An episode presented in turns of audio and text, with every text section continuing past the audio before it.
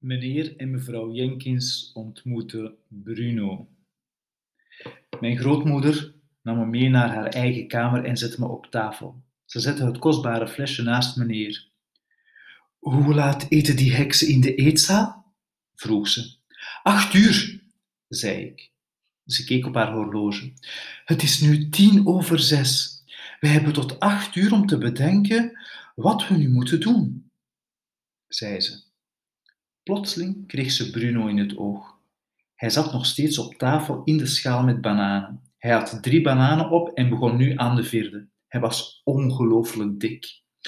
Nu is het welletjes, zei mijn grootmoeder. Ze tilde hem uit de schaal en zette hem op tafel. Ik denk dat het tijd is dat we dit manneke bij zijn liefhebbende familie afleveren. Denk je ook niet, Bruno? Bruno keek haar boos aan. Ik had nooit eerder een muis boos zien kijken, maar hij kreeg het voor elkaar. Mijn ouders laten me zoveel eten als ik wil. Ik ben liever bij hen dan bij jullie, zei hij. Ja, natuurlijk, zei mijn grootmoeder. Weet je soms waar je ouders nu zijn?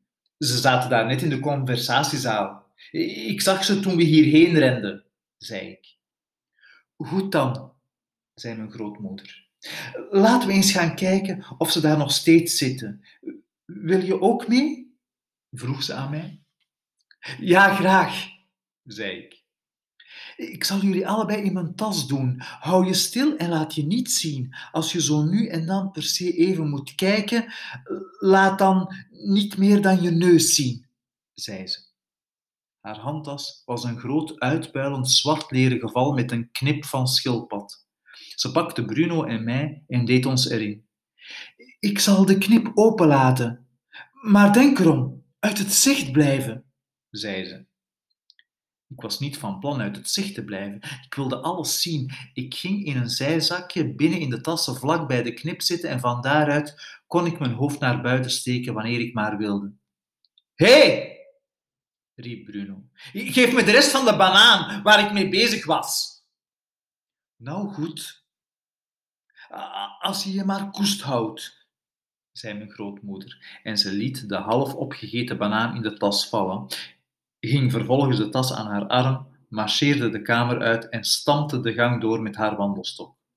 We gingen met de lift naar beneden en door de leeszaal naar de conversatiezaal. En ja hoor, daar zaten meneer en mevrouw Jenkins in een paar leunstoelen met een glazen tafeltje tussen zich in. Er waren nog meer groepjes daar, maar de Jenkins die waren het enige stel dat apart zat. Meneer Jenkins die las de krant en mevrouw Jenkins was iets groots, mosterdkleurigs aan het breien. Alleen mijn neus en ogen kwamen boven de knip van mijn grootmoeders tas uit, maar ik had een prima zicht. Ik kon alles zien. Mijn grootmoeder, in haar zwarte kanten jurk, stampte over de vloer van de conversatiezaal en bleef voor het tafeltje van de familie Jenkins staan. Bent u meneer en mevrouw Jenkins? vroeg ze. Meneer Jenkins keek haar over zijn krant heen aan en fronste zijn wenkbrauwen. Jawel, zei hij. Ik ben meneer Jenkins. Wat is er van uw dienst, mevrouw?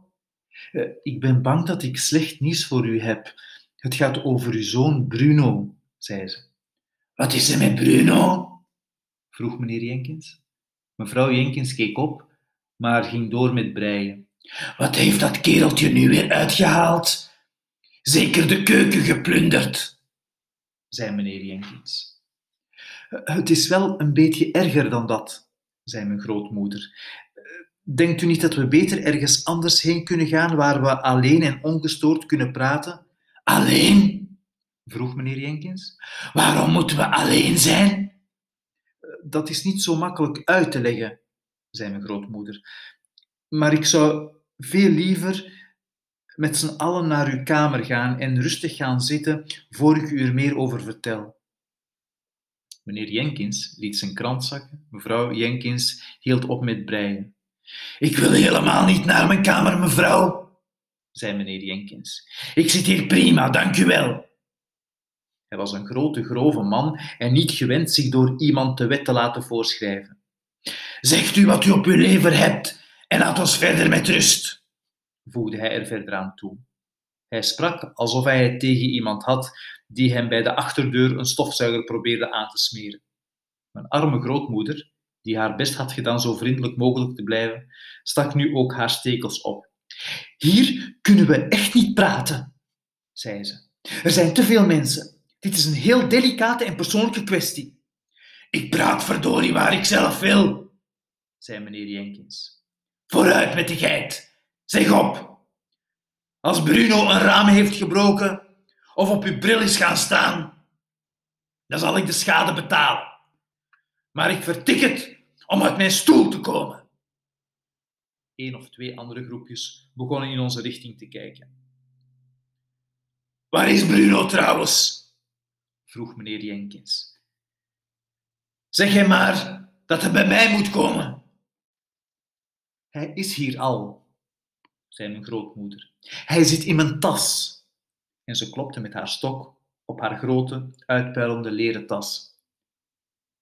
Wat bedoelt u, verdorie, met dat hij in uw tas zit?